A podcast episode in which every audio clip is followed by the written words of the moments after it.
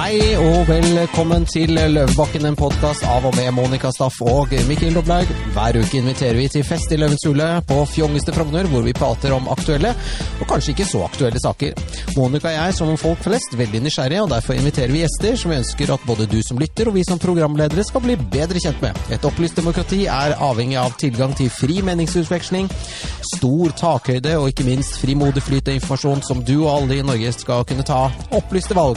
Og dette ønsker vi i Løvebakken å tilrettelegge for. For å opplyse oss i dag har vi fått besøk av en allsidig kvinne som verken er lettkrenket eller redd for å heve stemmen, det være seg foran Stortinget eller i avisspaltene. Hun kom til Norge fra Mogadishu som 13-åring i 1996 og vokste opp i Skien. Hun bærer stolt telemarksbudad på nasjonaldagen og er en ivrig forsvarer av frihetsverdiene vi liker i Norge, og er kanskje det somaliske miljøet i Norges infant terrible. Hun er forfatter, aktivist og redaktør for nettmagasinet Ekstra, og jobber nå med en bok som vi skal snakke om i dette programmet. Men før vi snakker om Shurika Hansen, som vi har som gjest i dag, så skal vi eh, høre litt på hvordan det går med den alltid freshe, opplagte og Chanel-dresskledde Monica Staff. Hello! Nei, jeg må skru på mikken din. Ja, det er typisk at du skrur av mikken min, for du orker vel ikke å høre på våset mitt, antagelig. Typisk. Ja. ja. nei, du, det går så fint så, Mikkel. Det er jo vår i luften, og det er knoppene springer, og du vet at da er jo um, håp. Det er håp. Det er deilig. Det er jo lenge siden vi har podkasta sist. Det er fire uker siden, faktisk. Ja, men det er fordi det har vært påske. Ja. Og så ble vi veldig slitne av den podkasten med Einar Gellius. Ja, det var altfor mye å tenke på etterpå. Det ble så åndelig alt sammen. Ja, det gjør det. Ja. Vi, han rørte vi er, ved oss. Vi har, vi har vært i Han rørte noe ved oss, og vi har vært og meditert siden. Men vi har fått klager? Ja, har vi fått klager? Vi har fått klager på at vi, eh, folk venter på ny pod, og ja. det er koselig. Det er faktisk sånn hyggelig klage. Ja, det er veldig hyggelig klage. Så Veronica, eh, Lise Veronica Stø ja. Ja, fra Gudbrandsdalen. Yep. Her kommer en hilsen til deg fra oss. Det er så hyggelig at du følger med på oss, og at du faktisk sitter og klør etter å høre en ny pod. Så nå er det bare å få på seg ørekløsjene og øret etter. Absolutt. Spisse ørene, eller spisse Er det det de sier oppi Dali? Øreklusjero. Øreklusjero. Ja. og du lurer sikkert på hva jeg drikker i dag, Mikkel, for jeg drikker jo alltid et eller annet for å holde meg liksom flytende, som alt Ja, forrige tirsdag var det to flasker rødvin og en ost. For, det er veldig ofte det. Det ender ofte med rødvin og parmesan, ja. fordi det er jo det er jo utmerket keto-mat å drikke. Mm. Eh, men i dag eh, så har jeg rett og slett eh, med meg en bulletproof coffee. Au. Er det en, altså en skuddsikker kaffe? Det er en skuddsikker kaffe. Det har jeg lært av The Biohacking Girls, Monica Øyen og Lette Aubert, faktisk. Ok, Hva inneholder en sånn bulletproof coffee? Det er noe oil, og også en klatt med smør. Olje, smør og kaffe? Olje, smør og kaffe. Dette er høres ut som noe som de lesja bulldoserlag ja, sitter og drikker mens de jobber. Det er helt riktig, men jeg, jeg, har gjort den litt mer trøndersk. Ok, Du har hatt oppi litt? Lite grann. Ja. Det er sånn Hvis du har 0,23 promille, så er jo livet mye morsommere også. Ja, I hvert fall 0,5 tror jeg 05 er, er den ultimate flytpromillen. Det er, bare, det er bare så synd at du får ikke kjørt bil med det. Nei, det var det. Men man kan kanskje sykle med det, eller? Ja, det må være lov hvert fall hvis den er skuddsikker. Sykle frem og tilbake ned i Gyldenløves gate. Ja, apropos det, nå tror jeg faktisk at folk kommer til å begynne å råkjøre der, for nå er det ikke noe sjanse for å krasje i noen ting. Det var det som skjedde i Eilertsunds gate, at det er betydelig Når de tok bort all parkering på begge sider og lagde røde sykkelfelter, så ble det betydelig mye mer trafikk, og de som kjørte her, kjørte dritmye fortere. Og det sier seg jo selv, fordi at når du kjører i en gate med biler på begge sider, så kjører jeg i hvert fall veldig rolig, for plutselig kommer en unge skutende ut mellom noen biler eller folk. Eller, eller, ja, ja. ja, veldig. Det er faktisk veldig fartsdempende. Så, men i Laningrad, der går altså fartsgrensen opp, holdt jeg på å si da. Ja, Etter laninismen. Laninismen, vet du. Ja. De, MDG-sekten som har innført laninismen i hovedstaden. Men det, du, det ja. er faktisk ikke det vi skal snakke om i dag. Nei, det er ikke det. Vi, vi skal, skal, snakke om ordentlige greier. Vi skal snakke om og med Shurika. Og um, Shurika, velkommen til oss. Og du, som Mikkel sa, kom til Norge i 1996. Det stemmer. Fra Mogadishu. Stemmer og til Gulset i Skien. Gulset.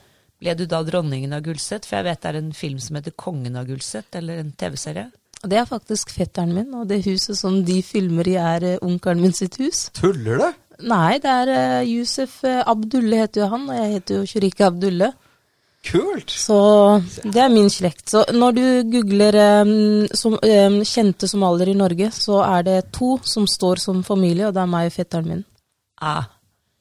Interessant. Og du sier Abdul og Abdulle, det betyr altså det er Eh, han nei, Abdulle, det er vår bestefar, da. Ok, Mm. så det er ikke noe Men eh, han. Yusuf, eh, han kaller jo seg Han bruker da navnet til min onkel som etternavn, men han har egentlig ikke det som etternavn. Akkurat. Ah. Det er hans stage-navn, da.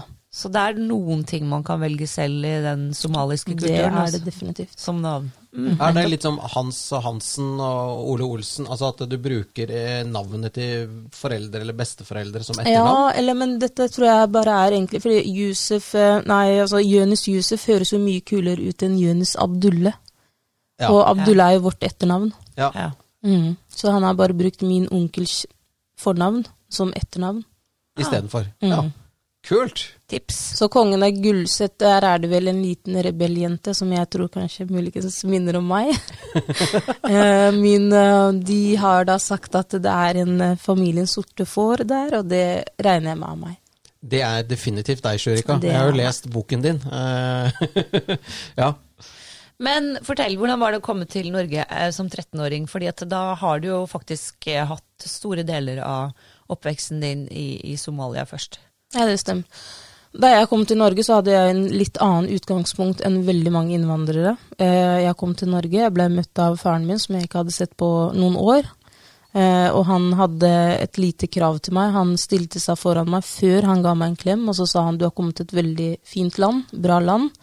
Eh, Og her kreves det at du skal utdanne deg, skaffe deg jobb og, og blir en kvinne som klarer seg selv. Så Oi. fikk jeg en klem. så, og så tenkte jeg etterpå ok, ja, ja, men det er fint, fordi når du blir stilt krav til på den måten, så har du også mulighet til å, å, å jobbe med det. Istedenfor at han hadde tatt med meg inn og sagt her skal du få alt det du trenger. Så det var et utgangspunkt som gjorde meg til den jeg er i dag. Hele tiden så har jeg vært veldig bestemt på Når jeg kom til Norge, så hadde jeg aldri tegnet. Jeg hadde aldri sittet og tegnet én eneste dag i hele mitt liv. Og jeg eh, hadde ikke hatt matte, så jeg måtte starte alt på nytt. Og dette forventet de at jeg skulle gjøre i løpet av kort tid. Så husker jeg at det var en lærer som sa du må bare lære deg språket, og så må du prøve å komme deg litt opp, sånn at du kan skaffe deg en sånn eh, praktisk jobb. Så sa jeg nei, jeg, jeg skal skaffe meg universitetsgrad, sa jeg til henne. Og da sa de men du må ikke ha så stor forventninger til deg selv. Så sa faren min ja, men det tror jeg hun klarer. Og da sa jeg jeg skal klare det. Mener, opplever du litt at vi i Norge kanskje ikke stiller så høye krav? At vi er litt sånn Det er, det er bra nok? Ja, det er mye litt som er bra nok. Det er Ja. mye som er bra nok, fordi jeg vokste opp med tanta mi. Hun hadde jo også universitetsgrad i Somalia. Dette var før det ble islamistisk eh, stat. Og eh, var kjent med at det var sterke kvinner i min familie. Og det å komme til Norge og få beskjed om at det holdt, hvis jeg bare lærte meg norsk og kunne skaffe meg en eller annen butikkjobb, det holdt jo ikke for meg. Så da, da sa jeg jo ja til, men hei, vi hadde jo åpne muligheter. Nei, jeg skal ha universitetsgrad, og det fikk jeg jo til slutt. Men um, de forventningene som veldig mange innvandrere blir møtt med, det er jo at eh, bare du gjør litt, så er det bra nok. Ja. Og det er jo faktisk noen av de tingene som gjør at man kanskje liksom ikke lykkes så godt med integrering. Fordi at eh, stiller man krav, så vil jo de fleste, altså de fleste, i hvert fall sånn som du som da var et, så å si et barn, det er jo en eh, ting man liker som barn. Krav, grenser. Det er det. Og eh, faste rammer. Ja. Jeg visste at det var forventet av meg å utdanne meg. Jeg visste også at det var forventet av meg å jobbe. Og da var det ikke noe plass for å bare surre rundt og ødelegge livet. Men var faren din en progressiv somalier, muslim, da? Når han Mm. sier at han forventer av deg at du skal ta deg en utdannelse og være selvstendig økonomisk? Nei, altså Han vokste jo opp i den sekulære Somalia. Og eh, han dro derfra rett før islam begynte å herje. Så han har jo på en måte ikke fått med seg den nye Somalia. Han er fra en moderne del av Somalia, der eh, de var på restauranter, og de drakk øl, og de danset, og de hadde italienske kjærester. Så han hadde jo en helt annen utgangspunkt enn det mange som kommer i dag, hadde. Så hans syn på islam ble endret i Norge med tiden. Det er jo det som er litt skummelt, at de viste jo oss bilder. Ikke sant? Det var kjempekult. Han hadde sånn kam inni håret, sånn afrohår fra 70- og 80-tallet, og rutete, stygge klær. Og så hadde de kjærester, og de Det så ut som at de levde det livet, da. Det er jo litt av det som jeg hengte meg litt fast i, at det var faktisk en feminisme i Somalia den tiden. Der menn ikke konkurrerte med kvinner, og kvinner ikke konkurrerte med, men at de var feminine på sin måte, og de levde greit. Ja, for at I boken din eh, 'Min kamp for frihet' så har du noen fantastiske skildringer av din far. Jeg har lest boken, jeg liksom lukker øynene og klarer liksom å se foran han i sånn slengbukse med den kammen i håret. Og, og, altså, du skriver så levende og nydelig om, om din far. da. Eh, jeg må bare anbefale alle om å lese den boken. Det er virkelig gripende. Han virker som en veldig sånn myk og forståelsesfull mann som, uh, som uh, har en datter som er litt, litt sterk, da. Men jeg mm. syns han takler det Ja, dere hadde jo en konflikt også gående? Ja da, vi hadde flere års konflikter. Mm. Um, han har nok vært en mann som kunne ha godt av å ikke hatt en datter som meg. um, fordi det var, det var alltid noe med meg, da. Han fikk aldri pause. Eh, hvis jeg ikke blei snakket om der, så blei jeg Jeg var kjendis i Skien den tiden. ikke sant? Hvis jeg ikke blei snakket om der, så var det der. Han, han, hadde mer enn nok. Han hadde mange andre barn, men jeg var det barnet som krevde veldig mye. Og jeg følte jo ikke at jeg gjorde det. Jeg følte bare at jeg levde livet akkurat slik jeg ville. Og det var jo problemet, da. Som somalisk jente så skal du være litt underdanig, du skal følge reglene, og jeg er jo født for å ikke følge reglene. Og det var veldig vanskelig for han. Men vi hadde jo en sånn avtale, for jeg husker at uh, han fikk aldri pause fra disse klagene på meg. Men vi hadde en sånn lojalitetsforhold. da Han var lojal mot meg, jeg var lojal mot han. Mens jeg gjorde livet et helvete for han. Jeg tenker jo nå i dag at uh, det, det, er jo en annen mann jeg gjør livet helvete for akkurat nå, som, uh, som faktisk minner meg om han. ikke sant? elegant og snill og lojal og grei og rolig. Og, det er bare kanskje to menn da, som har klart å takle meg gjennom livet. Oi. Og da, også, men den tiden når, eh, når, når disse ryktene gikk om meg så var det bare så inngripende, det var bare så utrolig trist at de brukte mye tid på å snakke om ungdom som ville bare være helt vanlig norsk ungdom, jeg gjorde ikke annet enn å gå med singleter, eh, interessere meg for gutter. Jeg drakk ikke, jeg ruset meg ikke, jeg festet ikke. Jeg gjorde faktisk ingen av de tingene. Jeg var flink på skolen, jeg kom hjem i tide. Jeg var eh, flink til å levere alle mine oppgaver, husarbeid, alt som måtte til. Jeg jobbet, jeg, jeg gikk turer med hunder for å tjene penger.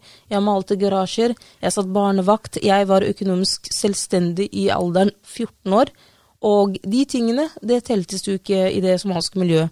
Det var bare det faktum at jeg ikke hadde på meg nok klær ifølge dem, som utløste alle de konfliktene.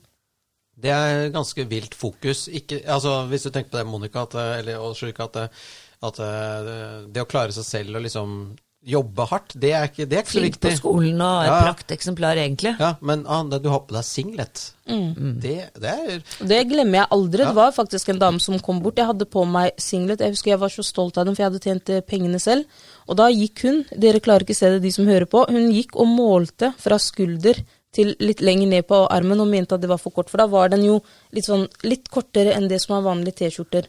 Det syns hun. Og da fikk jo faren min beskjed om at jeg gikk rundt nesten naken. Det husker jeg var så ille.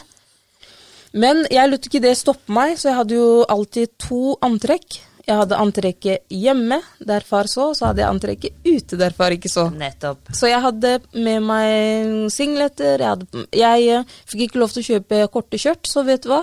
På skolen, på sånn, hva heter det, sånn heimkunnskap-opplegget, så sydde jeg meg korte skjørt. Det var det eneste. så jeg sydde meg korte skjørt, som jeg da gjemte langt inn i sekken. Så når jeg gikk ut, så bare tok jeg på meg De var stygge, forferdelig stygge, for det var jo bare tøy som jeg prøvde å holde fast i. Men eh, det var min frihetskamp, da. Og det er nok faktisk sånn at det er jo en del eh, norske pappaer også som syns at døtrene, norske døtre går litt for lettkledd av og til. Så det er jo en kjent problemstilling. Men hos deg lå det jo veldig mye mer alvor bak det enn eh, hos de fleste mhm. etnisk norske jenter. Eh, men for, faktisk, du ble sendt på koranskole. Mm. Kan du fortelle litt om det? Jeg har jo faktisk gått på koranskole helt siden jeg var liten. Jeg, har, eh, jeg kan sitere Koranen på så mange forskjellige vers. Jeg kan uh, forstå veldig mye av det. Jeg kan uh, både skrive og Jeg har jo ikke interesse av det, men det sitter fortsatt dypt. Men jeg begynte vel, Første gang jeg var på koranskole, var vel fra treårsalderen. Men det var i Somalia, og der lærer du bare om litt sånn regler og skriving og ritualer. Men koranskolen i Skien var jo helt annerledes. Det var en helt annen måte å lære Koranen på. Der lærte vi veldig mye om jødehat. Det var jo dette jeg hadde tatt opp eh, oppgjør med senere årene. Alle de tingene vi får vite om eh, herrefolket, som de faktisk kaller jødene, og bokens folk, som er kristne og jøder. Og eh, de som er ute etter å ødelegge oss, da. Altså at jødene ikke bare styrer. Det er konspirasjonsteorier der også. Ikke bare ute etter å styre verden, men de gjør faktisk det. Hele Hollywood står jødene bak, og jødene går så fort inn i offerrollen, og man kan ikke stole på jøder. Og det var forferdelige ting vi lærte der. Og når jeg nå ser tilbake på det, så klarer jeg faktisk å forstå hvorfor flere hundre ungdommer går til angrep på politiet og på Sian når det gjelder demonstrasjoner. Av den enkle grunn, fordi du lærer Det er tegnet fiendebilde av både Vesten og kristne og jøder, og andre som ikke er muslimer. Det er en oss mot dem-mentalitet som da fører videre denne konflikten. Men er det ikke litt rart, da? Er det, ingen, er det, er det liksom ingen på en måte som reflekterer over det at man faktisk har kommet til et land hvor ja, det er vestlige verdier, da? Men det er jo individualister er så... som reflekterer. Mm. Men når du har et kollektivistisk samfunn, eh, der du blir fortalt fra liten av hvordan du skal tenke, så har du ikke evnen til å tenke fritt alene. For det er jo det som er farlig med islam. Hvis, eh, Jeg har sagt det tidligere at eh, hvis eh, muslimer hadde fått lov til å tenke i fred, uten innblanding fra familien, Koran, haditter, alle andre, så hadde veldig mange forlatt islam. Og det er nettopp derfor haditten har blitt laget, for å holde på muslimer slik at ikke de forlater religionen. Så man skal ikke tenke selv? Man skal ikke tvile. Og det er jo dette vi lærte også på koranskolen. Jeg, nå skriver jeg en ny bok, det kan vi snakke om senere. Men i den så blir jeg minnet på hvor grusomme ting vi måtte lære for å ikke forlate islam. Det har tatt meg mange år å si at jeg er eksmuslim. Jeg forlot vel islam da jeg var 17 år og fikk eh, med meg 9-11. Eh, den reaksjonen fra mange i moskeen, den reaksjonen fra naboene, mange som feiret at flere tusen mennesker døde. Den grusomme eh, reaksjon jeg hadde inni meg og tenkte er dette en religion jeg tilhører? Ikke sant? Dette er jo ikke noe jeg vil være en del av. Å være en 17-åring som ikke har noen andre å snakke med om disse tingene. Aldri har jeg hørt om en eksmuslim som er fra Somalia. Aldri har jeg hørt om noen på, fra min kultur som har forlatt islam. Og hver gang vi dro til eh, koranskolen, så lærte vi at eh, forlater du islam, så du dør, og så blir du stekt og grillet og ødelagt, og så blir du gjenlivet hele tiden for å oppleve det. Og ikke bare det, men hver eneste dag skal du få oppleve det. Det er litt sånn Dantes inferno, Dantes ja. helvete til evig tid. Det er ja. ikke noe hyggelig, da. Bli Hver eneste dag skal du bli stekt levende, liksom. Ja. Hele tiden, og mm. bli gjenlivet, og familien din også. Så, så, ikke bare har du ansvar for deg selv, men du har ansvar for hele familien. Det Men vi hadde jo Einar Gelius her, eh, prest, og da, og da i kristendommen så er jo det tro og tvil, faktisk. Eh, det er jo litt annerledes i, i, kristendommen. Der er det jo faktisk lov å tvile litt, og det er jo en del av på en måte, veien til frelse. Gud eller til frelse er liksom det å tvile og tro og, og hva for noe stabbe seg fram litt sånn eh, mm. litt og litt, da. Men det aksepteres ikke i, i koranskolen. Det er forskjellen mellom kristendommen ja. og islam. Når du tillater tvil, så tillater du også at andre kan både skifte religion uten konsekvenser, og komme tilbake. Der er det et valg. I islam så er det jo ikke noe valg. Og forskjellen mellom kristendommen og islam er jo opplysningstiden. ikke sant? Altså, når du tviler, så er du åpen for opplysningstiden. Når du overhodet ikke kan tvile, så må du det. Så islam har jo unngått alle disse endringene, rett og slett fordi det ikke skal være tvil. Mm. Ja, for da, da, er det liksom bare hermetisert, i og med ja. at man uh, ikke tar inn over seg uh, ja, den det var jo litt sånn i mørke middelalderen i Europa også, frem til man begynte på 1700-tallet å forske og se at, Norge, at eh, kanskje det ikke var en gud, og evolusjon, og man begynte jo virkelig å Hadde jo sikkert med ja, fremvekst av vitenskapen, også, som du sier. Ja, at man liksom fant ut at jorden faktisk ikke var flat og sånne ting. Ja, og, og så brukte man også Men så begynte man heller å man tok vitenskapen, og så prøvde man å finne Gud i vitenskapen. Så det var den kristelige måten ja, se det å se hadde det hadde vært uaktuelt i islam. Ja. Så må jeg legge til en ting. Når vi, vi fikk vite at en, du blir ikke bare stekt til helvete mange ganger og gjenopplivet og hele pakka, men Gud hører og ser dine tanker. Så hvis du tviler, så vet han det. Og jeg, da, Creepy. som eh, eneste somalieren som jeg vet om som har gått ut som eksmuslim den tiden, jeg tenkte bare shit, de tankene Gud hører om meg. Og så tenk hvordan han reagerer. Så det var jo, selv om du ikke er fullstendig indoktrinert, så er det jo, det ligger jo litt i bakgrunnen. Tenk, tenk hvis han faktisk hører. Ja da, og det er klart at ting som man har lært på den måten du har lært, og det er ting som vi har lært oss når vi vokste opp, Mikkel, som er vanskelig å på en måte eh, altså, fri seg fra, da, hvis man på en måte ønsker å Ja, du kan da Jeg har ingen gode eksempler, egentlig, men det, det er vanskelig å fri seg fra ting som man har lært så grundig som dette her. Og det er, vi har jo, jeg har jo vært på middag sammen med deg, eh, Shurika, sammen med jøder, for eksempel. Ikke sant? Altså, Og det kan jo ha vært rart for deg, jeg vet ikke. Det var kjemperart, vet du hva. Var du redd da for at du skulle ja, spise deg opp på en måte? Det var, det, var, eh, det var andre gangen jeg hadde vært med jøder. Fordi første gangen jeg var med jøder, da var det jo Da skulle de feire jeg vet ikke, den jødiske høytiden som var Hanukkah? slutten av mars. Eh, nei, slutten av mars. Altså em, Bar mitzvah? Nei, Nei, det er ikke det Da var jo nesten alle jødene samlet på et sted i Oslo. Veldig stor fest. Dette var før eh, korona. Og da ble jo jeg invitert, og da ble jeg satt i et bord, fordi jeg hadde jo lyst til det. Og da føltes det altså, Jeg følte at det, når som helst så kunne ting skje. Ikke det? og, og så ble jeg satt med en familie med barn, og det var veldig hyggelig. Så spurte de om min eh, opplevelse og alt, og de var veldig hyggelige, selvfølgelig. De, dette var jo vanlige mennesker. Men så var et av barna så sa hun ja, men hvorfor hater de jøder? spurte hun. Så sa jeg vet du hva, det vet jeg faktisk ikke. Eh, jeg vet ikke.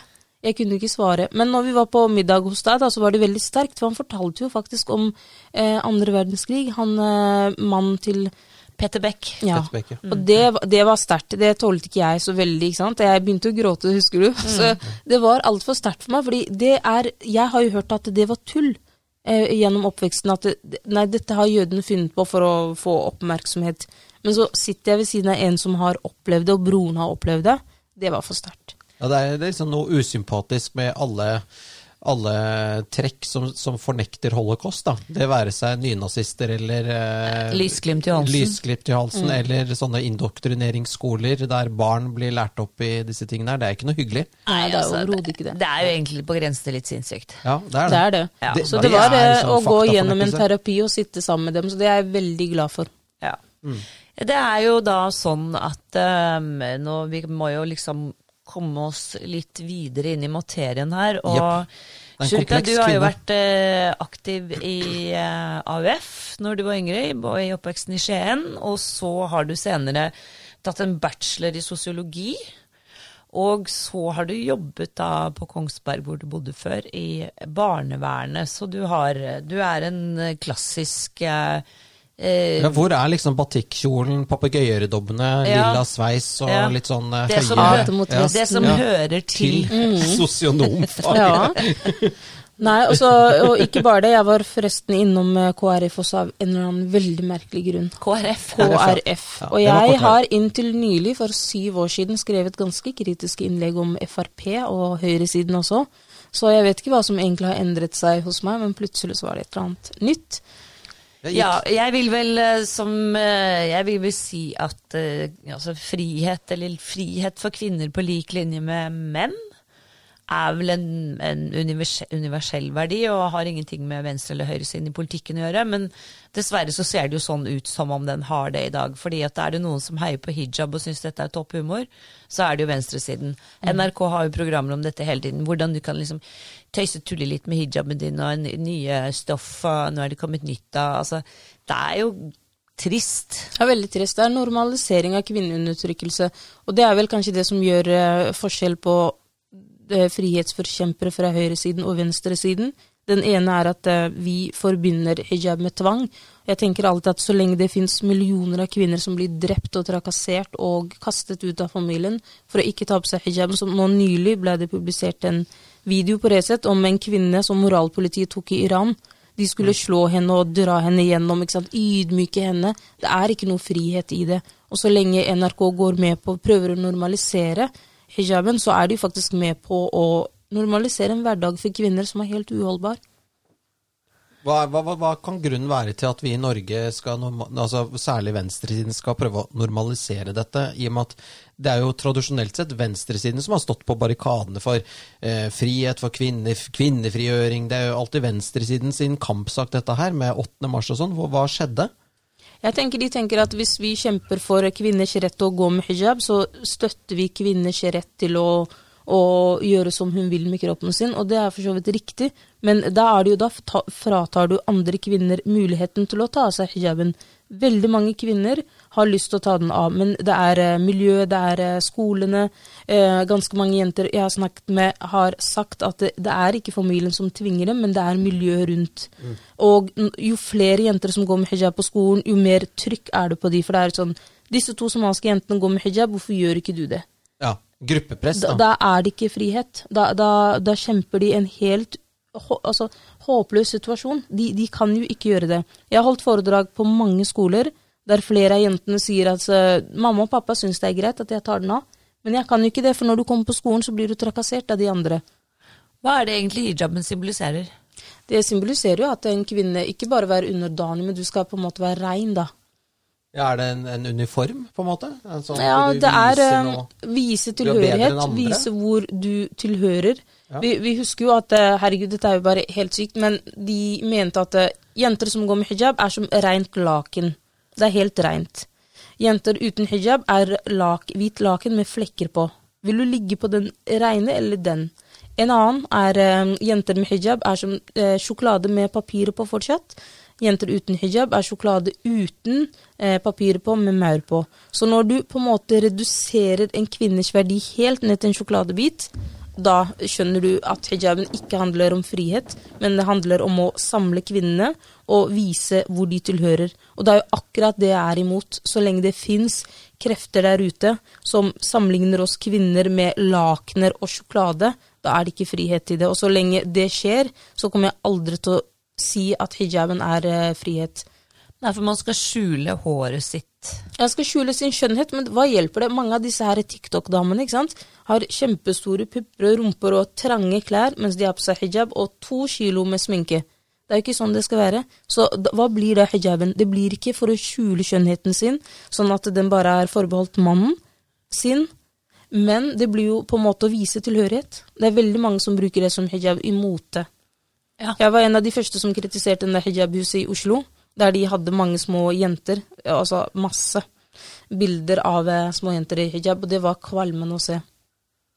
Ja, fordi at dette er jo en eh, diskusjon som går også på I Frankrike har de nå forbudt eh, hijab i det offentlige rom. Det er nikab i det offentlige rom, Nikab, ja. og så er det hvis eh, For, for forskjellen på det. Ja, det er jo altså, Det er jo en, en annen form for radikal islam når du går med nikab. Det er vel ikke mer enn 200 kvinner som går med det i Norge. Nei, ikke 200 kvinner, så var det 25 kvinner. Unnskyld, jeg tok feil. For det er jo en hel Det er heldekkende, og det er jo det de bruker nå i Ny-Syria, det bruker de mye i Jemen og Saudi-Arabia.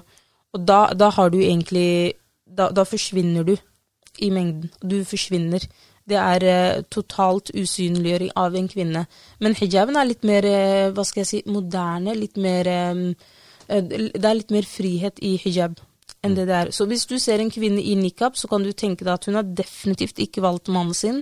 Hun har definitivt ikke valgt hvordan hun skal leve livet, og hun har definitivt ikke mye frihet.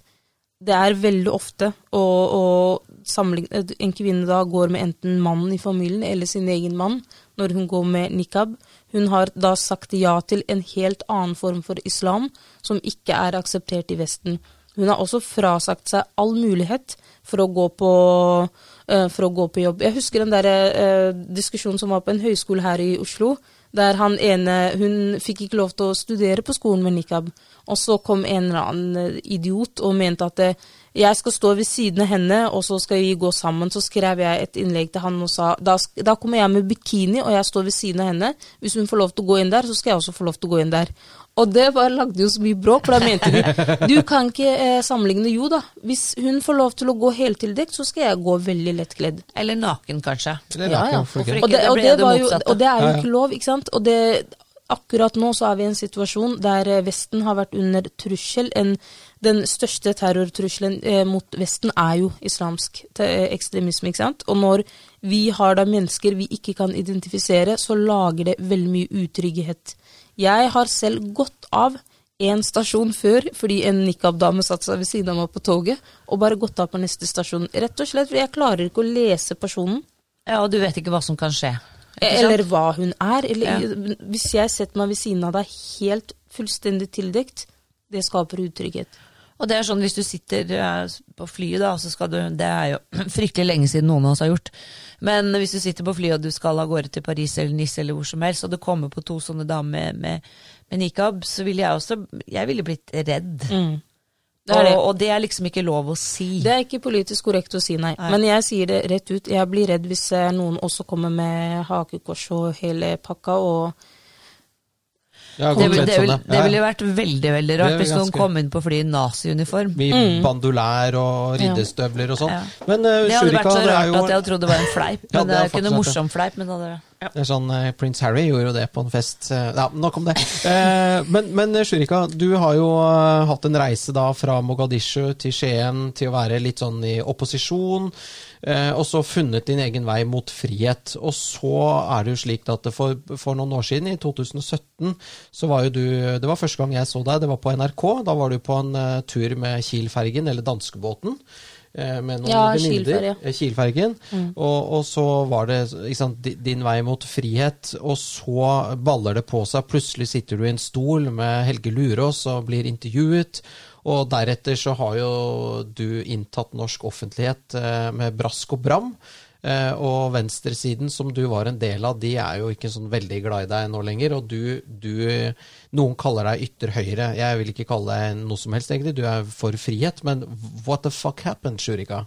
Ja, det har jeg spurt meg selv mange ganger, faktisk. Hvor gikk det galt? Det, altså, på, på ett år så gjorde jeg jo ganske mye dumt, ifølge mange. Eh, da, hadde på, da hadde jeg skrevet et veldig kritisk eh, innlegg mot eh, somaliske familier i Aftenposten. Dagen etter det var på trykk, så fikk jeg min første drapstrussel, som har skaffet meg ganske mye angst i ettertid. Og så dro jeg til Kiel sammen med eh, NRK, og så satte jeg meg ved siden av Helge, og så skjedde alt det der på veldig kort tid. Og jo, uh, og jeg ga en liten støtte til Sylvi Listhaug. Så for meg så betydde ikke de tingene noe jeg måtte gjøre for å være i opposisjon. Altså jeg har jo alltid bare gjort akkurat som jeg føler at jeg bør gjøre. Men jeg tror nok at det som har um, gjort at ganske mange i venstresiden er imot meg nå, er at jeg ikke snakker om frihet på deres måte. Jeg, jeg snakker ikke om frihet, begrenset frihet. Jeg mener at det er, mener du at du er for frihet, så skal du være for frihet.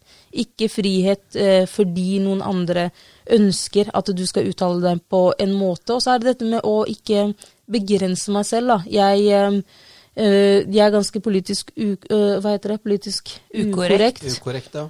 når det gjelder visse ting. For når jeg sier at eh, hijab på småjenter er seksualisering, så blir mange veldig sinte. Men hijab er jo for å dekke til kvinnens eh, seksualitet. Det er for å gjøre kvinnen mindre attraktiv.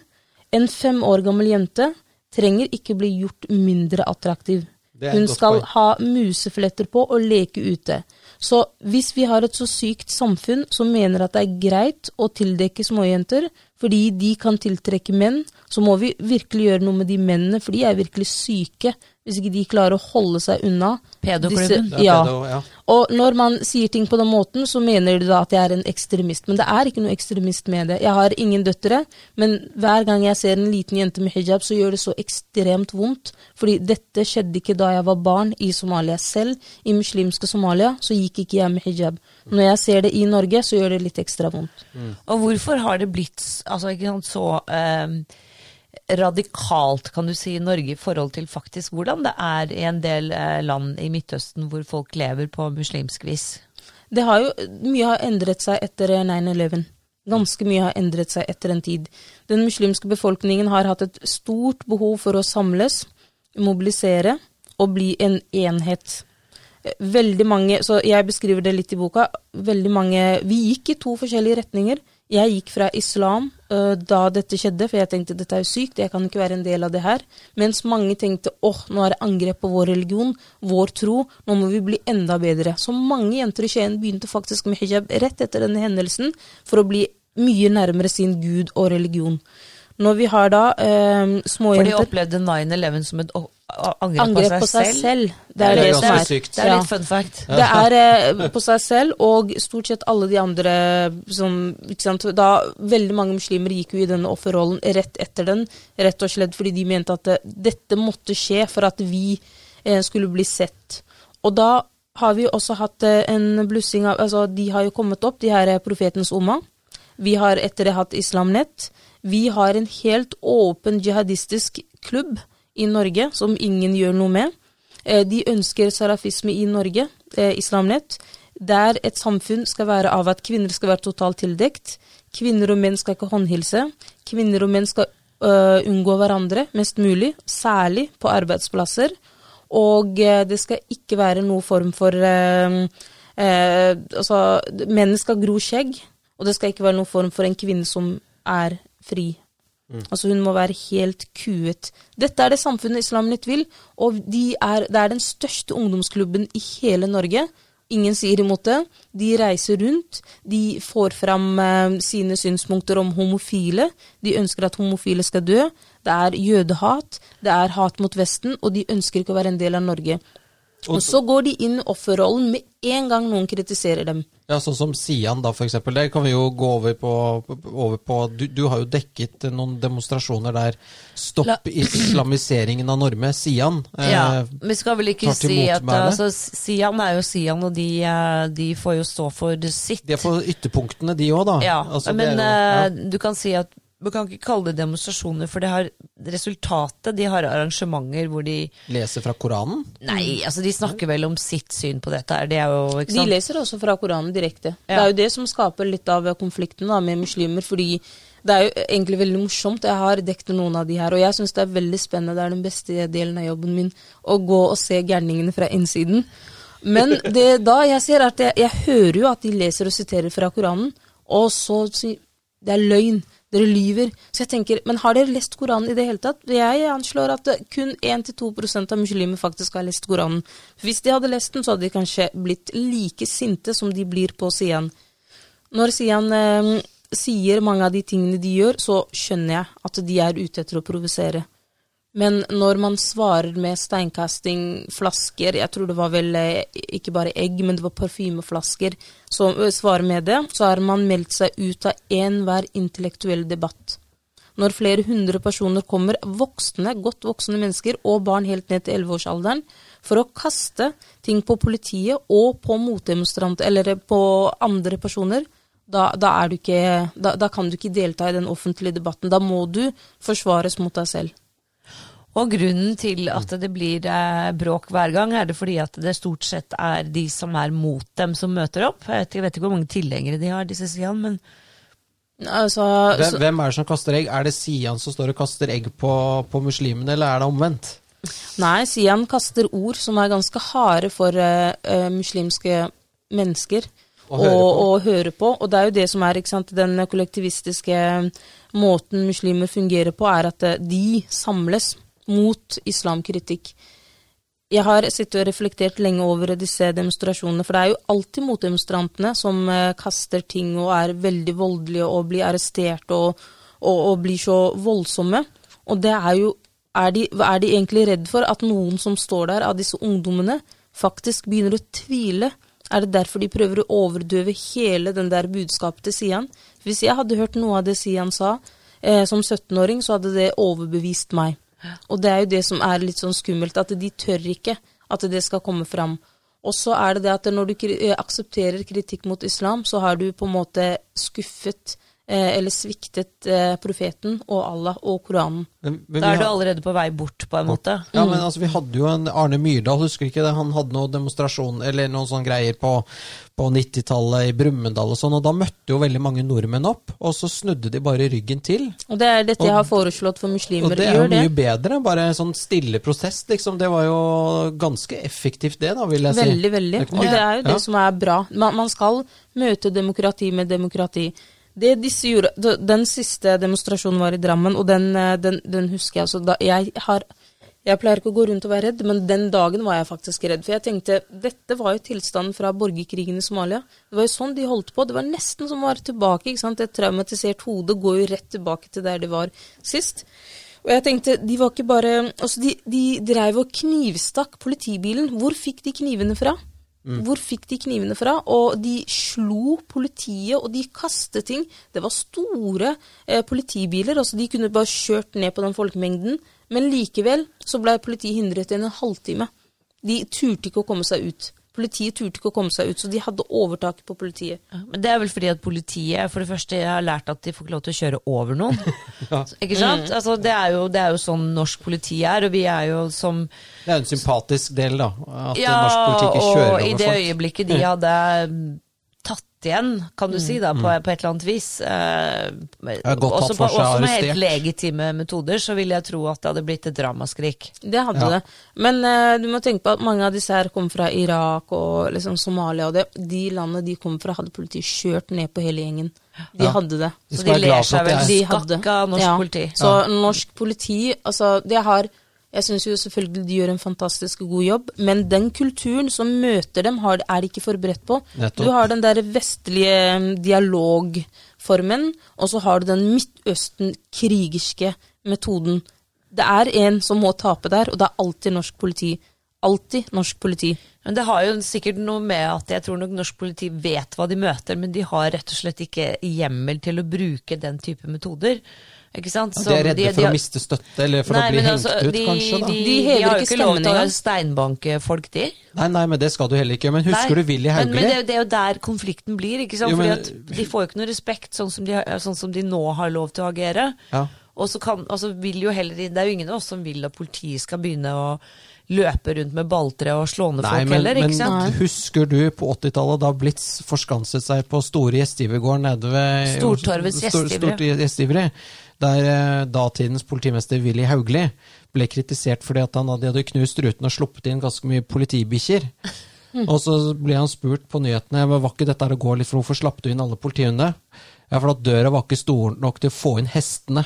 Ja. Skjønner du, eller? Nei, det er en tøff mann. Han, han var ganske hard i eh, klippa. altså, og det er det jeg skal si til at det var nok Jeg tror på en måte politiet var litt mer hardhendte før, faktisk. Ja, og det trenger de vi å komme tilbake til nå. Ja, en ting slo meg. Eh, den dagen, da blåste det veldig mye. Så politiet står der og blir kastet på så mye, og de begynner å rive ned hele sperringen. Og da prøver politiet å, å spraye dem ikke sant, med sånn gassting, og det blåser, så politiet får jo det på seg. Og det var sånn ekstremt. Jeg tenkte så dumt. Men det er én ting muslimer er redde for, det er bikkjer. Hvor ble det av politibikkjene?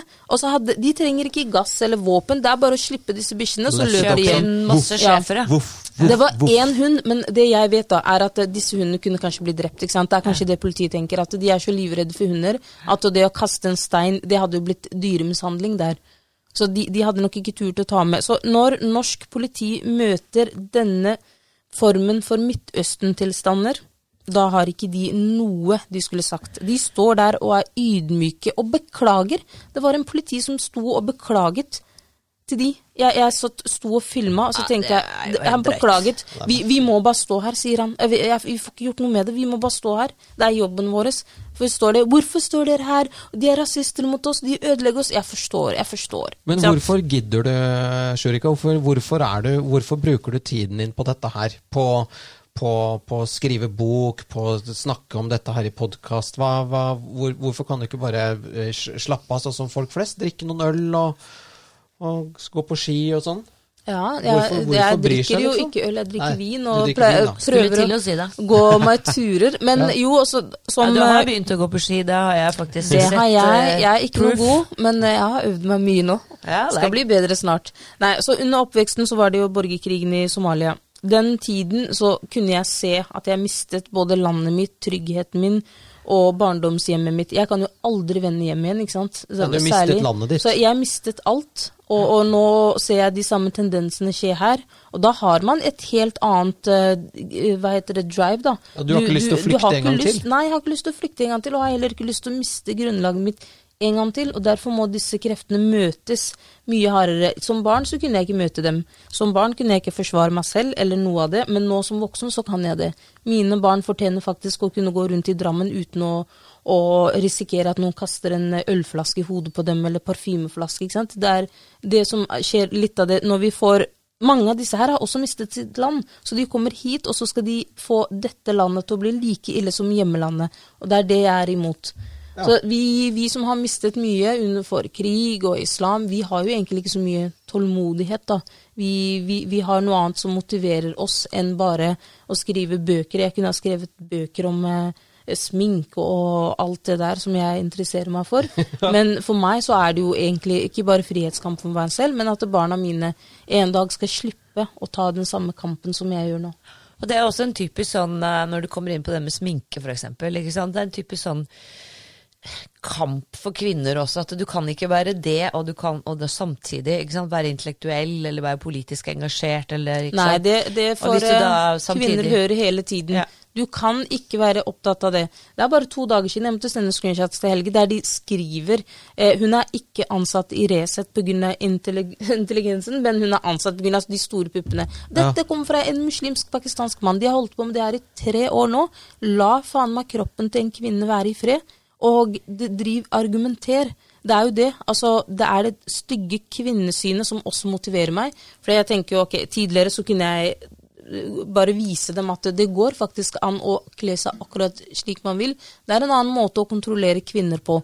Du har ingenting å argumentere mot henne. Du går løs på kroppen hennes. Får henne til å være mye mindre enn det hun egentlig er. Og så bare endrer du andres eh, syn på henne. Og det er disse tingene som ikke er norsk. Det er ikke norske ord, det er ikke norske verdier. Det er også ting jeg kjemper mot. Mm. Nei, jeg leste akkurat den, og det var litt sånn at du da mm, i dette tilfellet tiltrekker deg norske menn fordi at du har store pupper, og disse norske mennene er jo egentlig rasister. Dum og dumme. Egentlig er de jo rasister. Ja, ja. Jo, ja. Altså, har du opplevd eh, rasisme her i Norge, Shirika? Nei, og det er det jeg har prøvd å si, men da sier de at da lyver jeg. Men hvorfor i helvete skulle jeg lyve om at jeg har opplevd, ikke opplevd rasisme? For hvis noe, jeg kan gå i offerrolle for noe, jeg har ikke fått lov til å gå i noe offerrolle ennå, så hadde jeg jo brukt det. Men er vi nordmenn opplevd... rasister? Nei, eh, nordmenn er faktisk helt ned på bunn av eh, rasismemålingene. Men land som er på toppen, er Pakistan, Irak, eh, Somalia Altså mange av de muslimske landene er, de er det. Rasister. De er rasister. Også den eneste rasismen jeg opplever i Norge, det er fra pakistanske menn hele tiden. Hele jævla tiden. Når de, med, når de kaller meg onkel Tom, som de gjorde for to dager siden, ja. og når de kaller meg alle disse stygge tingene, når de mener at det, det er ingen som ansetter meg fordi jeg faktisk har en utdannelse eller noe form, men det er fordi på kroppen, altså at jeg får da flere hundre tusen i året pga. en kropp, det er så nedverdigende holdning ja. til en kvinne. Så pakistanske menn ser, eller pakistanere ser ned på somaliere, egentlig? Pakistanere ser ned på andre pakistanere som er mørkere enn dem. Det er det er, ah, det er, to, det er, det er, tre, det er det, og dette er rasisme som er helt åpen eh, som de ikke skjuler. Det er tre land som har på toppen for eh, bleikingkremer. Er ikke den derre åh oh, faen, eh, ikke Vietnam, men den derre Korea. Ja. Og så er det jo Pakistan og India. De vil være bleike. Ja. Og så er det to andre afrikanske land. De fem landene de ser også ned på de som er mørkere. Så når pakistanere mener at uh, de arbeiderne ute i feltene som er mørkere enn dem, de kan ikke gifte seg med de som har litt mer penger, og som ikke trenger å bli brune da, ute og jobbe. Ja. Så at en pakistansk mann faktisk mener at en svart dame ikke kan være smart nok til å få seg en jobb, det er ikke bare tilfeldig. Det er faktisk bare sånn de mener. Er det din eller min? Det er ikke min. Nei, Har jeg glemt å skru av telefonen? Det er jo helt, det er helt krise. Koselig at noen gidder å ringe deg, da. Ja, det var den første telefonen på en måned. Det er jo ikke så ofte det, skjer. Det er ikke så veldig. Men du, det var ganske interessant det du sier, at rett og slett så den rasismen du møter i Norge, den kommer ikke fra hvite, etniske, strukturell, white supremacist, racist, woke, LGBTQ-shit. Det er liksom Det er fra pakistanere. Det er, det er fra spesielt. pakistanere, og uh, særlig andre fra andre arabiske lignende land. Og og det som er veldig interessant med det, er at de også lurer på hvorfor opplever ikke jeg rasisme fra nordmenn? Ja. Hvorfor eh, er ikke nordmenn like opphengt til å sende meg hjem som de vil sende de hjem? Så kan det der, ha noe med hvordan de oppfører seg sånn til vanlig ja, mot folk? Det, det, Er det rasshøl, så er det rasshøl, liksom. Nei, men hvi- hvis du kan eh, flagge med sånn offerkort, da, eh, Ja. som du mener at det er pga. fergen min, så blir det jo mye lettere. Jeg har nok ikke Jeg tror ikke jeg har sett et eneste på kommentarfeltet om folk som egentlig har lyst til å sende meg bort og hele Men det står det om veldig mange andre, rett og slett, for det er noen holdninger Nordmenn er veldig sensitive på holdninger som ikke passer inn i de norske eh, tilstandene. Vi har jo en norsk måte å være på, og så har vi en Midtøsten-måte å være på. Mhm. Disse to passer ikke sammen. Nei, aggressiv og avmeldt, Avmålt. Nordmenn er jo veldig avmålte. Eh, Konfliktsky. Ro, konfliktsky, rolig, Ja. kalde, ikke sant. Eh, Vi må utrede noe. Det er jo alltid Norge skal bare utredes, Jeg høres eller ut som du snakker med en svenske, for min del. Men. Ja, men vi er jo litt sånn Nordmenn er veldig konfliktsky, og de, Ja. de, de, de, du kan Jeg har selv vært i den situasjonen der det å bruke rasismekort har vært mye enklere enn å argumentere. Altså, da den tiden min i Røde Kors og alt det der, da var jo nesten alle rasister, bare man var imot det. Og jeg husker at jeg selv mente at eh, Frp og en venninne av meg som eh, stemte Frp den gangen, ble vi faktisk uvenner. Fordi hun mente at jeg brukte det for mye på henne. At hun hadde rasistiske tanker, så jeg skammer meg over den tiden. Men jeg bare tenker på hvor lett det er å, å bare bruke dette som argumenter. Men du ble jo da til slutt sammen med den største rasisten av de alle. Det var en venn av meg som eh, Jeg, jeg sa at han Han Han spurte som, som, som lærer deg å gå på ski. hvem, hvem, eh, hvem er du sammen med, spør en kompis av meg. Så sier jeg jeg vil ikke si det, men så sa jeg Norges største rasist. Så googlet han faktisk Norges største rasist, og så fant han bildet av ham på toppen. Vi må jo bare Ja. si det, da. Det er redaktør Helge Lurås i Resett. Ja. Er du sammen med? Ja. Ja. Og det er jo ganske oppsikt... Det er ikke oppsikt- oppsiktsvekkende, for han er jo en rolig fyr. Han er Fortell, veldig bare rolig. fortell litt om dette. Hvordan er det mulig at en eh, sterk kvinne fra Somalia Nå skal jeg bare Ja. skyte inn det her at er, altså, Shurika har jo to barn Ja. med en norsk, altså etnisk norsk mann fra før. Mm. Sånn at det, det, det som var nytt denne gangen, er at det er en etnisk norsk mann som er rasist. Ja. Ja. Så jeg er jo vant til eh, hvite menn, da, for Ja. å si det sånn. Jo, men eh, dette er jo interessant, for at eh, Det hagler jo med beskyldninger. Monica, alle vi får jo det. Vi, vi er jo Men på en måte, hvordan, hvordan kjennes det? Hvordan er det, det for deg? Eh, blir det brukt mot deg, eller eh, er det liksom disse på venstresiden som nå eh, ikke skjønner noen ting av hva du driver med lenger? Nei, eh, jeg, som for eksempel familien min, de er jo vant til at jeg kommer med sånne sprø ideer og ting, så, så de har sikkert forventet dette av meg. Men jeg har hatt telefoner der folk har ringt og skjelt meg ut, rett og slett. Ja, hvordan kan du være sammen med han? Eller hvordan de, skjell, skjeller meg ut og mener at jeg tar så feil, jeg blir brukt i en kamp, og dette er ikke ditt prosjekt engang, altså Resett. Og, og det, det som gjør meg eh, egentlig sint der, jeg prøver å ikke la det gå inn på meg, det er at eh, hvorfor kan ikke disse menneskene tenke at jeg faktisk er en selvstendig, intellektuell kvinne som klarer å ta avgjørelser selv, uten at noen må fortelle meg hva jeg skal gjøre. Så det er jo det som er inne der. Men eh, Så det, dette var jo tidligere. Nå kan folk ringe og skjelle meg ut så mye de bare orker, og skrive så mange antakelser om meg. Jeg vet eh, hvor solid mitt forhold er, jeg vet hva jeg tenker om han. Så for meg er det ikke så viktig hva andre mener om han. Men det er jo ganske rart å se. Veldig rart å se at, eh, hvordan han blir beskrevet, eh, hvor mye hatet eh, hvor mye hat han møter fra enkelte. Og jeg tenker bare, jeg kjenner jo ikke igjen ikke, denne beskrivelsen av han. Hva er det de holder på? Så Tidligere, når det var eh, sårt, så var det faktisk ganske ille. Da kunne jeg gå inn og forsvare. De siste to årene har jeg ikke giddet å forsvart.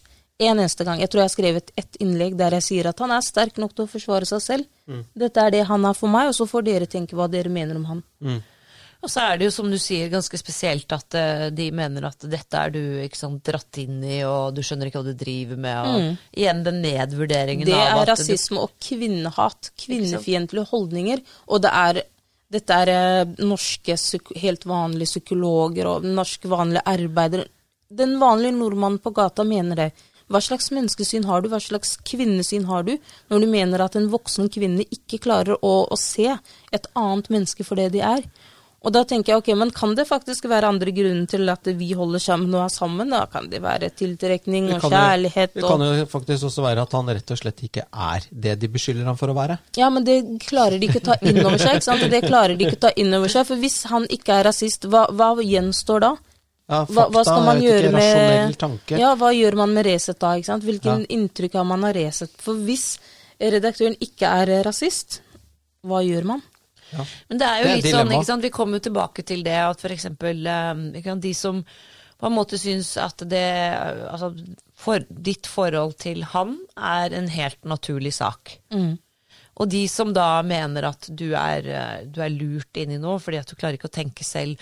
Så jeg kommer liksom tilbake til Det er jo en del eh, norske menn som liksom har eh, giftet seg med damer som er fra Thailand eller ikke sant, eh, diverse steder i Asia, og det blir også sett på som en sånn ubalanse i et forhold, fordi at liksom, kvinnen blir altså umiddelbart antatt å være den svake part i dette her, og har blitt lurt inn i det, og blir liksom hunset av en eh, hvit mann. Og det handler om den måten disse menneskene som tenker sånn, ser på rase, ikke sant? Det er de som er Fordi den, rasistene, hvi- vet du. Det er de som er rasistene og Ja. kvinnene. Så du har jo lest, for jeg så at du kommenterte den. En av Norges fremste samfunnsdebutanter kaller seg både moderne og på den ene etter den andre måten. Du så jo hva han skrev om meg. At jeg var på mitt mest hormonelle alder, og Helge Lurås var sjefen min på alle livsområder. Hvem er dette? Hva var? Shakil Rehman mente at jeg faktisk var eh, Dette var bare seksuell tiltrekning. Ikke sant? Jeg var bare en sexdokke som nikket og ikke hadde Og jeg tenker dette er eh, beviset på at pakistanere kan aldri integreres, fordi så lenge de ikke assimileres, når du kan ha sånne, eh, sånne tanker og holdninger til en kvinne, da er du faktisk ikke integrert. Han er ikke integrert. like smart som søsteren sin, for å si det sånn. Men Nei, du, nei. eh, du skriver på en ny bok. Vi begynner å nærme oss slutten. Vi må gå inn på det, Monica. Rekker vi det? Ja, kan jeg bare ta et kjempe, kjempe, kjempe, kjempekort eksempel? Jeg tror kanskje Jeg har i hvert fall fortalt det til mange. Den gangen jeg virkelig våknet av dvalen, var vel jeg så på dette um, Skavlan. Hvor Abid Raja var. Mange, mange, mange mange år siden. Hvor han snakket om sin vanskelige oppvekst med den sykdommen han ble født med og sånn. Og at han, eh, hvordan hans reise i forhold til at han kunne ha endt sant, på en helt annen måte. Og at han da til slutt blir jurist og treffer en kvinne som er av en lavere kaste enn han. Og så spør han Fredrik Skavlan hva, hva skjedde når du kom hjem til dine foreldre med denne kvinnen. Nei, de sa at det var helt uaktuelt, du får ikke gifte deg med henne. Og så spør Fredrik Skavlan ja, hva, hva gjorde du da? Da sa jeg at da gifter jeg meg med en norsk dame, og da var det greit. Ikke sant? Oi, oi, oi, oi. oi. Og så sitter, For det er enda sitter- lavere kaste, ikke sant? Jeg skjønner det, Det men så verre. sitter da Skavlan og småler av dette her som det var en morsomhet. ja, det er ikke Og det jeg det tenkte at dette må jo bli førsteside i VG og Dagbladet og alt mulig dagen etter. Ikke pip. Nei, det Det er er akseptert. Det er akseptert. Det er faktisk mye verre. Det er sjukt. Det er sjukt. Så det, den var fin, den replikken der, Monica. Det, faen, du er et sånt oppkomma, liksom. Den- Du gjør research, du. Ja, det var ikke akkurat ja. research. Ja, men, eh, men Shurika, vi har litt tid igjen. Vi kan gå litt over tid nå. Men du, du skriver jo bøker. Nå er du i gang med en ny bok. Dette kommer til å bli en atombombe i norsk samfunnsdebatt. Det kommer til å bli eh, mayhem når du slipper den. Hva heter boken? Nei, det trenger du ikke å si, men hva er det du skriver om? Eh, Den skriver jeg sammen med Helge, forresten. Jeg skriver den ikke alene. Eh, navnet har vi ikke blitt enige om, vi pendler fram og tilbake. Så den er jo om islam. Den første tiden i Mohammeds tid, helt frem til eh, hans død, Medina, de kampsakene han har hatt, den delen skriver Helge om. Så skriver jeg om alt annet som har med islam å gjøre, frihetskamper, om islam kan moderniseres. Og vi prøver egentlig å, å samle en bok som er en håndbok for alle som er interessert i islam. Uh, alt det du trenger å vite om islam, det samler vi inn i en bok. Islam for dummies? Islam, ja, vi prøver å være litt mer eh, Litt mer, hva skal jeg si, sånn nøytrale, da. Vi prøver bare å henvise til veldig mange kilder. Og så trenger ikke du tro på oss i det hele tatt. Det er bare å si her, dette er fra hadithene. Hvis du bare finner frem til hadithene, så kan du lese. Vi, ingen av oss har en mening om noe inni den boka. Det blir litt mer en sånn fagbok der du kan sitte.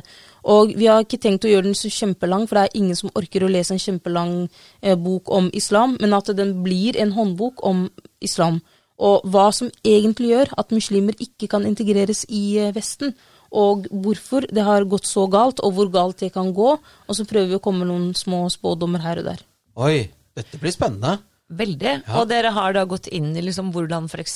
dette har altså Etter at eh, ja, hva skal jeg si, en del innvandring fra muslimske land til Europa, hvordan det har påvirket landet. Ja. Og, og på, på da objektivt. Mm. Hva har Ja. skjedd? Hvorfor har det skjedd? Hvem har gjort hva? Mm. Og, og eh, hvor, hvilken For eksempel, vi har jo Jeg tar opp eh, Sverige, jeg tar opp eh, Belgia og Frankrike. Og så tar jeg vel opp et par andre land. Og så prøver jeg å koble dette her sammen med den Hvilken politiske partier var det som regjerte i den og den tiden, og hva var konsekvensene av at akkurat disse har fått lov til å herje. Og så er det frykten, ikke sant. For hver gang jeg har en del om eh, sataniske vers, eh, og en del om hva som har gått galt. fordi det var faktisk bare i sataniske vers at vi begynte med denne her eh, bombingen av eh, vestlige verdier. Fordi det eh, Rushdie rørte ved, var denne kritikken mot islam. Det er nettopp den som ikke skulle være tillatt. Etter det, altså det er jo helt grusomt hvis man bare googler antall terrorangrep helt siden Charlie Hebdo. Det er ganske mange. Det er veldig mange. William Nygaard som ble skutt, det var jo det første, liksom, hva skal jeg si, når Norges Norge. uskyld ble tatt på det punktet der. Ja, og det han eh, skriver jeg også om. eh, Bare sånn innsikt i hva som skjedde, og en rød tråd mellom det som skjedde da Rushdie ga ut eh, denne boken, og det som skjer nå. Det er bare en sånn loop, ikke sant, og så går vi tilbake til der. Vi trenger bare én Rushdie til, og så starter hele den jævelskapen igjen.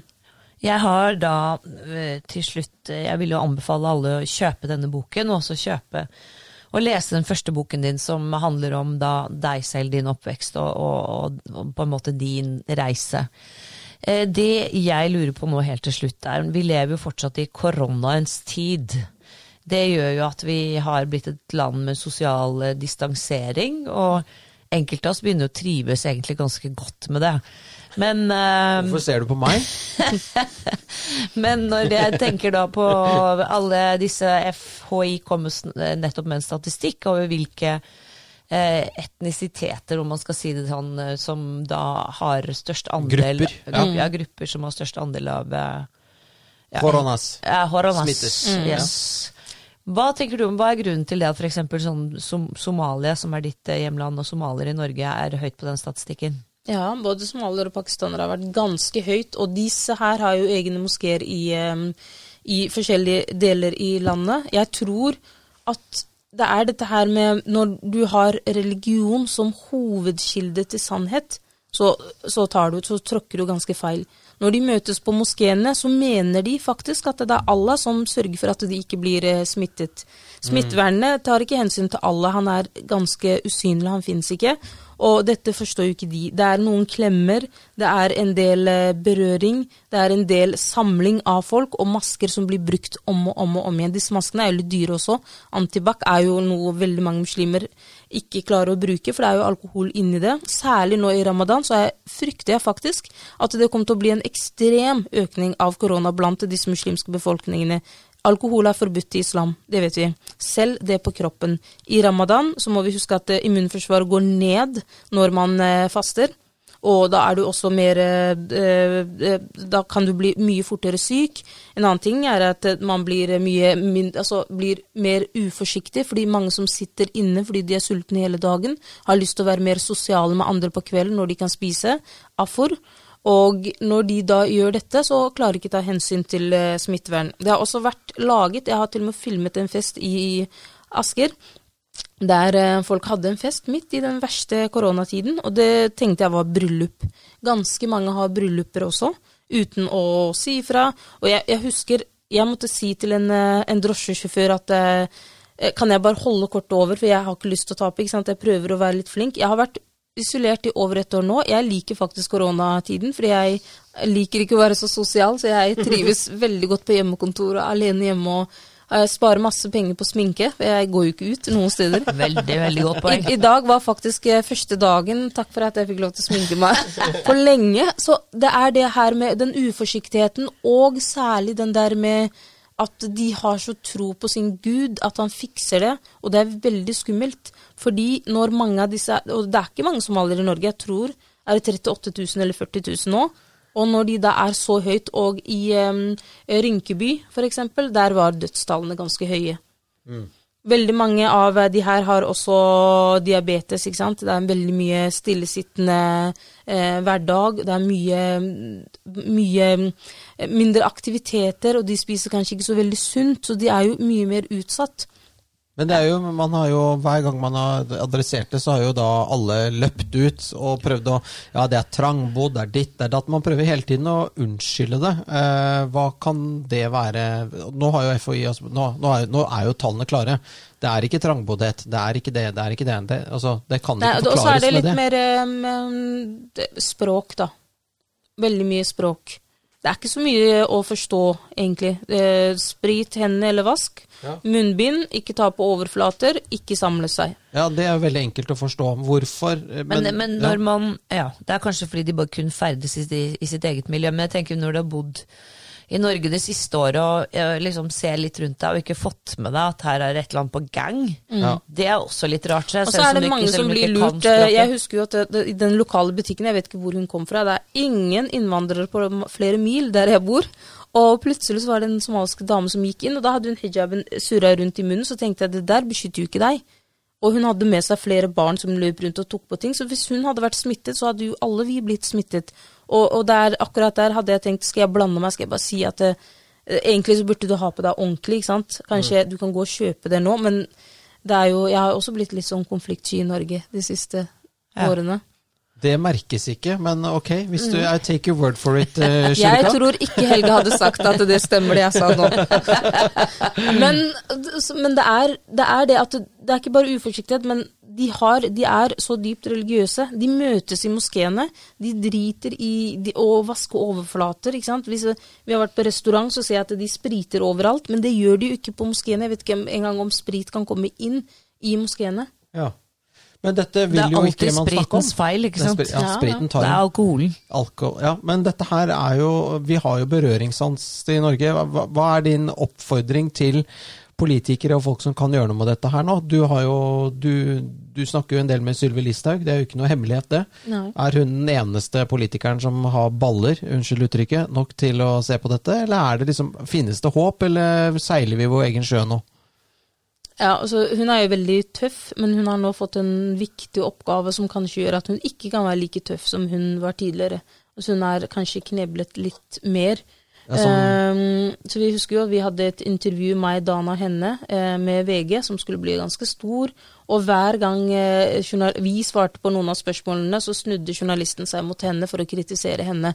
Så var, eh, hun har jo ikke egentlig sjans til å bare komme med egne ideer og være tøff. Hun må ha hele partiet bak seg, og så må hun helst ha med seg flere. For det er ingen hemmelighet at religion trumfer over alt annet for mange innvandrergrupper. Da må man kunne si rett ut til dem at det må bli konsekvenser. Man må få bot, f.eks. For, eksempel, for å ha med seg hele slekta tilbake i en taxi når det egentlig er sånn at du ikke kan ha med folk på jobb, for de rører i overflater, ikke sant? og så skal andre sette seg på. Og det, det fører også til Jeg husker jeg så jeg var på eh, Asker stasjon, så er det en eldre dame som gikk og kikka på alle drosjene for å se etter en etnisk norsk. så tenker jeg ok, det, det kan jo se veldig ille ut, men vet du hva, jeg kan forstå hvorfor hun gjorde det. At man kan ha litt grann forståelse for at uh, disse menneskene har en helt annen tro og kultur, og de må informeres om hvordan det er i Norge. For det nytter ikke å ha smittetallene høyt oppe, og så skal det åpnes. Jeg er ganske sikker på en ting nå, at uh, ramadan-feiringen det kommer til å bli en helt stor, massiv smittespredning. Og nå etter ramadan, og så er det den feiringen som kommer. Men det er ingen som tør å stenge hele samfunnet i den tiden. Fordi den kommer nok til å åpne rett før ramadan øh, er slutt. Ja, for ramadan slutter 13. mai, er det noe sånt? Ja, Og så Ja. åpner vel samfunnet 12. Så tiltakene er frem til 12. Da går vi på stjernesmell, altså, eh, i mai, da. Det blir, det blir gøy. Ja, så det, det er jo og- og så, Men jeg har jo også sagt tidligere at det, det er bedre å gi dem med vaksinene. Bedre å gi den befolkningen vaksinene, og så at de ikke fortsetter å spre smitte. Ja, det er faktisk eh, det, det er en rasjonell måte å være på. Og så er det litt sånn irriterende for alle de som da følger reglene, som føler at eh, det å følge reglene og det å liksom være lovlydig borger, det lønner seg heller ikke, da. Ikke Nei, sant? og det er det, litt sånn vi tenker at ok, hvis, eh, hvis det er noen som ikke gidder å følge reglene, for nå har jeg vært isolert i et helt år, barna mine har tatt det her inn som en del av hverdagen deres. To av mine barn har ikke feiret bursdagen sin hele i fjor, og vi får kanskje ikke feire det i år heller. Når vi har ofret så mye, så kan ikke mennesker drive og klinge seg sammen og ha en fest. Mm. Det, det går jo ikke å spre enda mer smitte og, og tilbe en gud Gud, Allah klarer seg, bare ta pause fra han i ett år. Sant Det er vel eh, Ja. veldig fine ord som en avslutning på podkasten vår. Ta litt pause fra Allah. Ja, rett og slett. Han har, vært, eh, han har vært der så lenge, så han er sikkert her om et år også, hvis man tar pause et år. Garantert. Du, Utrolig hyggelig å ha besøk av deg, eh, Shurika, og vi gleder oss til boken. Tusen takk for at jeg fikk komme. Det var veldig hyggelig. Og det er jo Vi får deg igjen i studio, tenker jeg, for at du har jo så mye du kunne pratet om. Føler at vi kunne holdt på en time til, jeg. Det er vel Vi har så mange fine gjester, så sånn er det hver eneste gang. Men vi skal jo la våre lyttere få lov til å orke å høre på oss. Derfor må vi si takk for oss denne gangen, men vi er veldig veldig raskt tilbake med eh, nye og spennende gjester. Yes. Så da, ja. En uke til neste gang. Ha det bra! Hei sann, hopp sann.